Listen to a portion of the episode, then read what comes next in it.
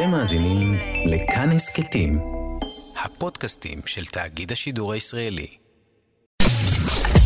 אתן מאזינות ואתם מאזינים לכאן הסכתים. כאן הסכתים, הפודקאסטים של תאגיד השידור הישראלי. סרוויס, עם רונה גרשון תלמי ושירי כץ.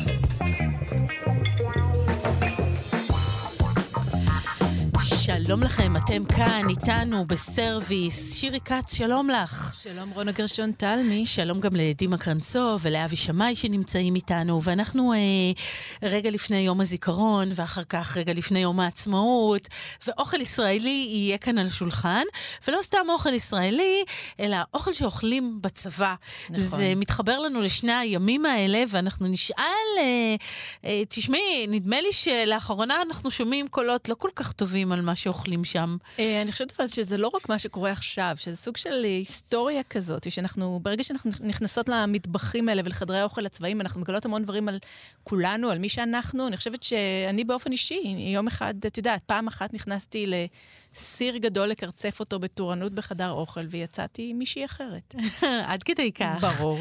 אז אה, את רומזת שכולנו אה, אסירים של אה, מטבח צבאי וגם לוף? אה, סוג של כור היתוך, כור היתוך. שמשנה את כולנו. אז נדבר על לוף ועל סירים כאלה ועל כור היתוך uh, כאן בתוכנית שלנו. ואנחנו תכף נתחיל. בואו נשמע מעברון.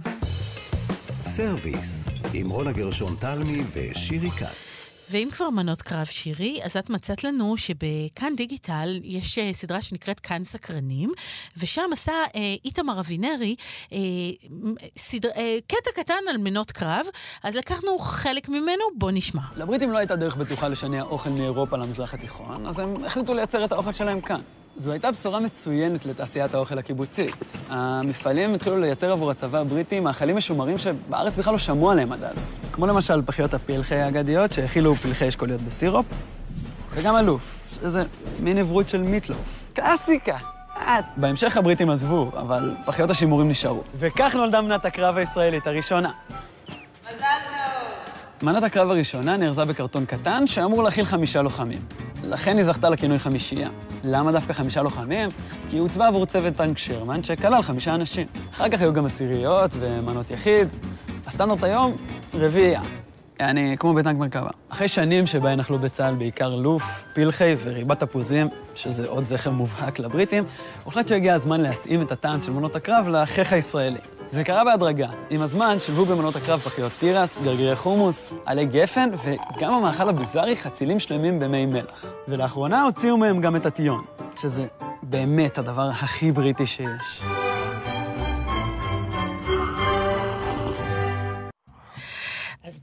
בריטי או לא בריטי אה, בצבא ההגנה לישראל?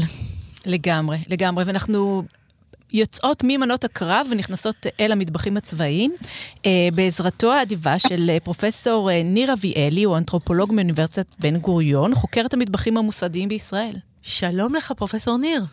אביאלי. שלום. שלום. אז קודם כל, אנחנו רוצות להיכנס איתך לחדר האוכל הצבאי, אבל לא בהכרח בדקה זו ממש, אלא מה אכלו בחדר האוכל הצבאי לאורך ההיסטוריה הישראלית. אבל שני דברים, אולי נתחיל ממה זה בכלל חדר אוכל מוסדי ומה הוא עושה. קדימה. מצוין. בוא נתחיל מזה. חשוב. כן, אז נתחיל משם. חדר אוכל מוסדי, כשאנחנו חושבים עליו, מה שעובר לנו בראש, זה בעצם תועלתנות וסדר, נכון? למה צריך בכלל חדר אוכל מוסדי? זה קשור ליעילות, לכך שאנשים לא צריכים לחפש את האוכל, הם מקבלים אותו, והמטבח המוסדי הוא אמור להיות מאוזן. ולתת אוכל בריא לאנשים כדי להרחיק אותם בצורה בריאה, כדי שהם יוכלו לעבוד, או אם זה במוסדות כמו בתי חולים להחלים, או אם זה בצבא, כן, לתפקד בצורה הטובה ביותר בתפקיד שלהם. זאת אומרת, יש פה איזה מין מוסד שהוא לכאורה בירוקרטי לחלוטין. אבל צריך לזכור שעם אוכל זה אף פעם לא עובד בצורה הזאת.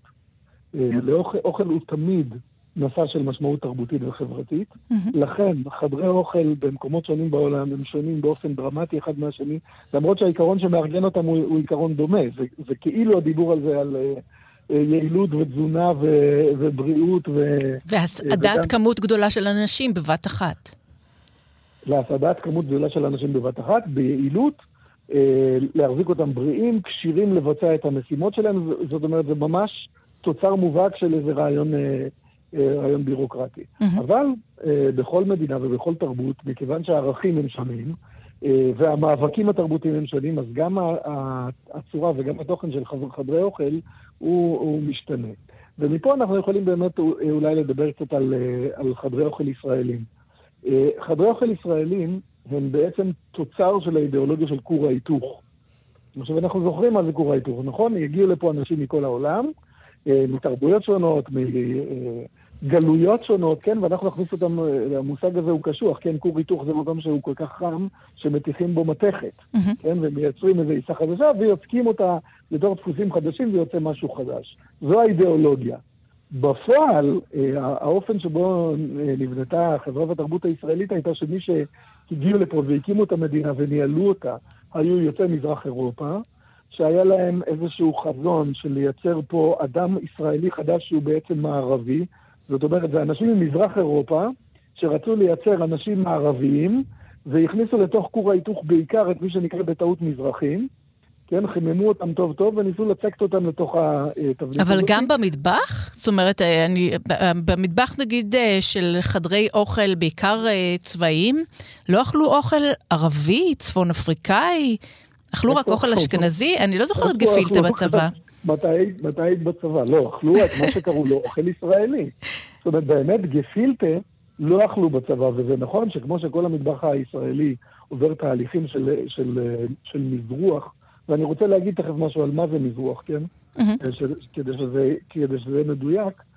Uh, בראש, בואי נתחיל עם הלוגיקה, כן? או בואו בוא, בוא נתחיל עם הלוגיקה, כן? הלוגיקה היא של ארוחה כפי שהגישו אותה ב... אה, פולין ובמרכז אירופה בתחילת המאה ה-20. מרק וסלט ומנה עיקרית שמורכבת ממנה אחת של אה, אה, בשר של איזשהו בעל חיים, עם תוספת אחת של ירקות מבושלים ותוספת אחת של פחמימות. מוכר לכם? הרכב הארוחה, כן. כן. הרכב הארוחה הקלאסית, כן, נכון? רק כן. מה, הארוחה הקלאסית הזאת לא מגישים אותה ככה, לא בווייטנאם, במקום שבו אני עובד הרבה שנים, וגם לא במרוקו, במקום שממנו חלק גדול מאלה שמכונים מזרחיים בישראל הגיעו. זה סגנון של ארוחה מאוד מאוד מסוים. עכשיו, ההפתעה שניכרת מכולכם, היא בדיוק מעידה על איך, עובד, איך אה, אה, עובדים דפוסים הגמוניים. נכון? זה נראה טבעי, ככה אוכלים. נכון, כאילו נכון, אין, אין, אין צורה אחרת פתאום. נכון, ומי לימד אותנו לאכול ככה? אלה שככה באו מהבית, באו מהבית. אלה שלא באו מהבית, איפה הם למדו את זה? בחדר אוכל של בית הספר, למשל.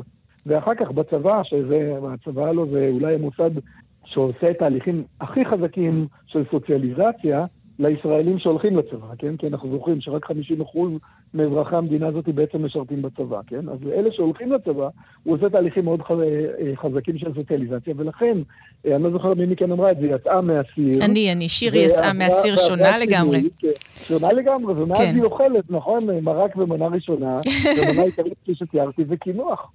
קינוח פלחי אשכוליות, סתם, לא. אבל רגע, אבל אה, אני ראיתי באיזשהו מקום שדיברת גם על גודל המנות, שהוא מאוד אופייני למטבחים בארץ. אז אוקיי, אז פה, פה אנחנו, אנחנו עוברים ל, ל, לעניין קצת אחר. קודם נגיד איזה מילה על מה זה מזרחים, אחר כך נלך לטענה הזאת, בסדר? כדי שזה לא יישאר פה. בסדר גמור, שלב אחרי שלב. בסדר? כן. המושג הזה, אה, מזרחיות, זה מושג שהוא מאוד מאוד חזק ומשמעותי היום בציבור הישראלי, מדברים עליו אה, ללא הרף, ואני חושב שראוי אה, להגדיר אותו בצורה מדויקת. הקבוצה הזאת, שזאת קבוצה סוציו-אקונומית, זו לא קבוצה אתנית, כן? היא בעצם מורכבת מאנשים שעלו לישראל ברובם לאחר קום המדינה, מארצות המזרח התיכון וצפון אפריקה, זאת אומרת ארצות שברובן המוחלט היו אה, מדינות מוסלמיות. Mm-hmm. היהודים, היהודים האלה עלו לארץ, ואני אגיד לכם איפה הם עלו לארץ, כן? הם עלו לארץ ממרוקו ואלג'יר ותוניס ומצרים ועיראק ולבנון וסוריה אה, אה, ואיראן, כן? זאת אומרת, מהודו ועד כוש, כן? וכשהאנשים האלה הגיעו לארץ, אז אותם אה, אה, אה, ישראלים שקדמו להם, אלה שהגיעו ממזרח אירופה ורצו להיות מערבים, אמרו להם, אתם כולכם מזרחיים, כן, הם הכניסו אותם לדיכוטומיה של מזרח ומערב, מערב זה קדמה ומודרנה ואמריקה ואירופה וזה טוב, ומזרח זה כאוטי וצבעוני וריחני ו- ו- ובעייתי ובלתי נשלט ואמוציונלי. אתם כולכם מזרחיים, ואת כולכם אנחנו נשלח לפריפריה, שהפריפריה, יש פריפריה במרכז הארץ, יש פר- פריפריה גיאוגרפית שהיא בשוליים של המדינה, כן, אה, בגבולות. אה, שלחו אותם, אה, שלחו אותם לפריפריה, הכניסו אותם לתוך קטגוריה אחת, למרות שההבדלים בין למשל אה, יהודים אה, עיראקים בעלי דרכון בריטי, שלמדו אה, באוניברסיטאות ובמוסדות אקדמיים אה, אנגליים בעיראק, לבין נגיד יהודים שגרו באזורים כפריים עמוקים, זה הבדלים עצומים, לדבר עליהם כאילו שהם בני תרבות אחת זה מגוחך. זאת אומרת, אז אתה יוצא נגד הסל הזה של המזרחי, שמכניס אה, אה, כל מי שהגיע ממדינה שהיא לא אירופאית לתוך הסל של המזרחי. שלא אוכלים לא ארוחה לפי מנות. נפרדות. כן. אני רק, אני רק, אני רק מנסה ל, ל, לדייק בהגדרה של מה זה מזרחי. מזרחי זה אוסף של יותר מעשר קבוצות אתניות, הרבה מאוד מעמדות, הרבה מאוד אה, סוגים של רקע, של השכלה, של, אה, של אה, פרנסה, הרבה מאוד רמות של דתיות, אבל כשהם הגיעו לארץ, דחסו אותם לתוך קטגוריה אחת, הידקו את זה היטב, אה, בתוך כור ההיתוך, ומה שיצא מכור ההיתוך בעצם זה המזרחים. כן? זאת אומרת שהמזרחיות זה קטגוריה שהומצאה בישראל בשנות ה-50 וה-60, שהתגבשה מאוד מהר לזהות מעמדית, עם הצלחה פוליטית משמעותית, והיום הם נאבקים בכל החזיתות אה, על, על, על הגמוניה תרבותית. ואיך זה נכנס לנו למטבח הצבאי? ו, וב, ובמטבח בכלל, המטבח הישראלי הוא מטבח מזרחי. זאת אומרת, כש, ופה אתם, כשאתם אמרתם קודם שבצבא לא אכלו גיסים כפיש, בואו נחשוב רגע על תרמילאים ישראלים. כשתרמילאים ישראלים נוסעים ל... אה, להודו או נוסעים לדרום אמריקה, למה הם מתגעגעים? חומוס. חומוס. חומוס, ופיתות, וטחינה, וקוסקוס. פלאפל, נכון? כן. כן. כן, והנה לכם, ובעצם התפיסה שלנו היום, של מה זה המטבח הישראלי, היא מבוססת כמעט כולה על, על מרכיבים שאני קורא להם עוד פעם במרכאות מזרחים, כי הם באים מארצות שונות, מתרבויות שונות, והם גם עברו פה טרנספורמציה. מעניין. אז רגע, יש את העניין בחדרי התרבותי, האוכל- כן. כן, סליחה, תמשיכי. אה, סליחה שקטעתי אותך, אני רוצה לשאול אותך, כי עוד מעט זמננו תם, ואני מאוד רוצה לשאול אותך, אה, כשנכנסים למטבח מוסדי, אם נדבר בפרט על הצבא, אבל בכלל מטבח מוסדי, אז כמו שאמרת כבר, הוא מורכב מהמון המון גורמים. זאת אומרת, אה, אה, תיארתם, אני חושבת שבאחד הדברים שכתבת, קראתי, נכנסת תזונאי, תזונאית ואומרת, אני רוצה שהאוכל יהיה בריא. ונכנס כלכלן ואומר, רגע, אני רוצה שיהיה פה אה, תחשיב כלכלי וננצל נכון את המשאבים. ונכנסים אנשי מדעי החברה ואומרים, בואו נתבנן תרבותית וניתן מקום לכולם. אמ, אז האם הצלחנו למשל במוסד אה, אה, הצבאי, או אם תרצה לדבר על אה, מוסדות אחרים, לכלול את כל הדברים האלה? זאת אומרת, יש פה סיפור הצלחה מוסדי? סיפור, אני, סיפור הצלחה זה כבר, זה כבר עניין... מילה גדולה, אני אוהבת מילים גדולות, המתבונן. כן. זה בעיני כן. המתבונן, אבל אני חושב שמה שנוצר בישראל בצורה מאוד ברורה, ואני בודק את זה כל פעם מחדש, כי אני, כשיש לי אורחים מחו"ל, אני לוקח אותם, בין, בין יתר הדברים שאני מציע שהם ינסו, זה גם מטבחים מוסדיים אה, בכל מיני מקומות, חדר אוכל של קיבוץ, אה, הקפיטריה של האוניברסיטה, וכפי שאנחנו יודעים, יש דבר כזה שנקרא חדר אוכל ישראלי מוסדי, הוא די דומה בכל מקום, גם ב, אה, בצורה שבה אוכלים, גם באופן של ההגשה, גם בגודל כן, של גם המנות. בחברות דיברנו הסטארט-אפ המאוד אה, מצליחות, שיש כל מיני שפים אה, סלברטאים שמכינים להם אה, אוכל. חברות הסטארט-אפ, חברות הסטארט-אפ אה, הן עוסקות בבידול, כן? זה העניין של distinction, נכון? אנחנו מעמד גבוה, אנחנו יש לנו הון כלכלי והון תרבותי, ואנחנו מתרגמים אותם להון סימבולי שבא לידי ביטוי גם בחדר האוכל, ולכן הם מנסים לייצר משהו שהוא באופן ברור שונה. אבל אה, אה, אני רק מזכיר לך שרובנו לא עובדים בחברות סטארט-אפ, אני ואתם לא. נכון. ולא אוכלים בחברות אוכל של סטארט-אפ, והדיון המתמיד בסטארט-אפ ובמטבח הגורמה, השכבה הצרה שנמצאת פה, כאילו שהוא מאפיין את המטבח הישראלי, הוא מעוות את התמונה. רובנו לא אוכלים במקומות כאלה, אבל מתוך הניסיון שיש לי במקומות כאלה, אם תסתכלי טוב, תראי, אם תסתכלו טוב, תראו שלמשל העיקרון הזה של מנות גדולות, כן, הוא עובד בכל מקום. ישראלים רוצים מנות גדולות.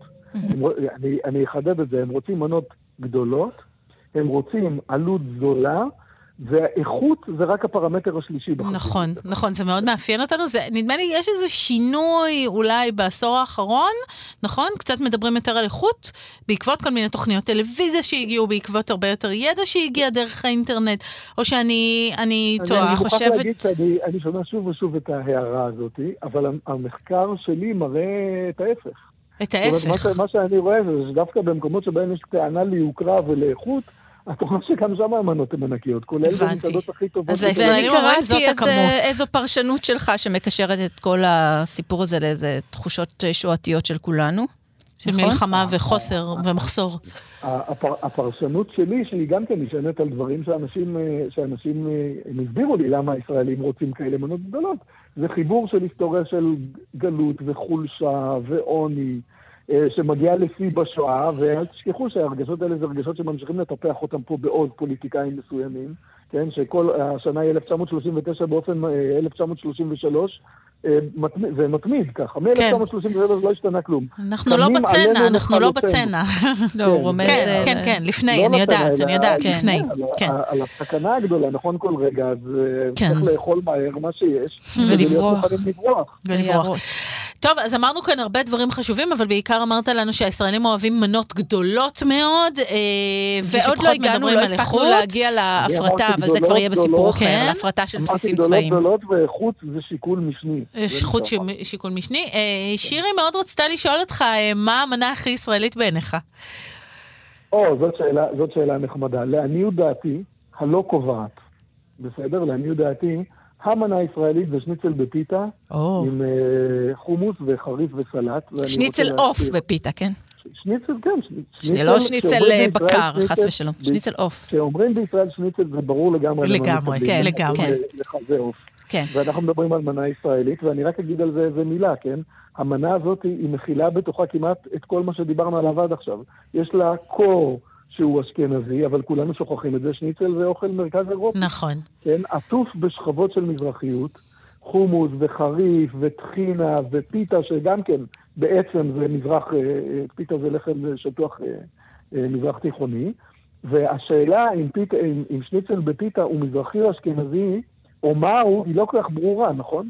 נכון. כור היתוך. כן, לגמרי. כור היתוך של הפיתה. פרופסור ניר אביאלי, אנתרופולוג מאוניברסיטת בן גוריון, תודה רבה לך. תודה לכם וחג שמח לכולם. חג שמח, שמח. להתראות.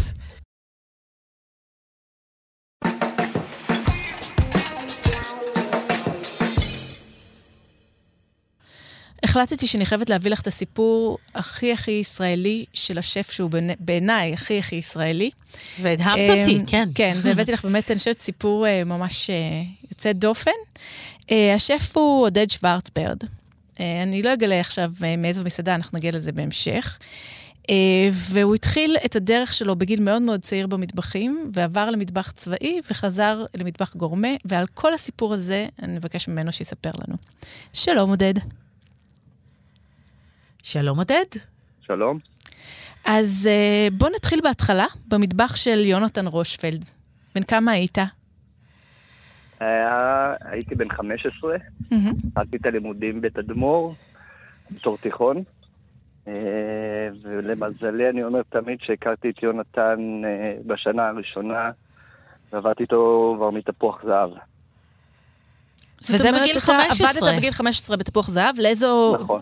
באיזה תפקיד אה, כיהנת שם, נגיד בשיא הקריירה שלך שם? בשיא הקריירה שלי תפסתי פס להכנות, בעיקר לא בסרוויס.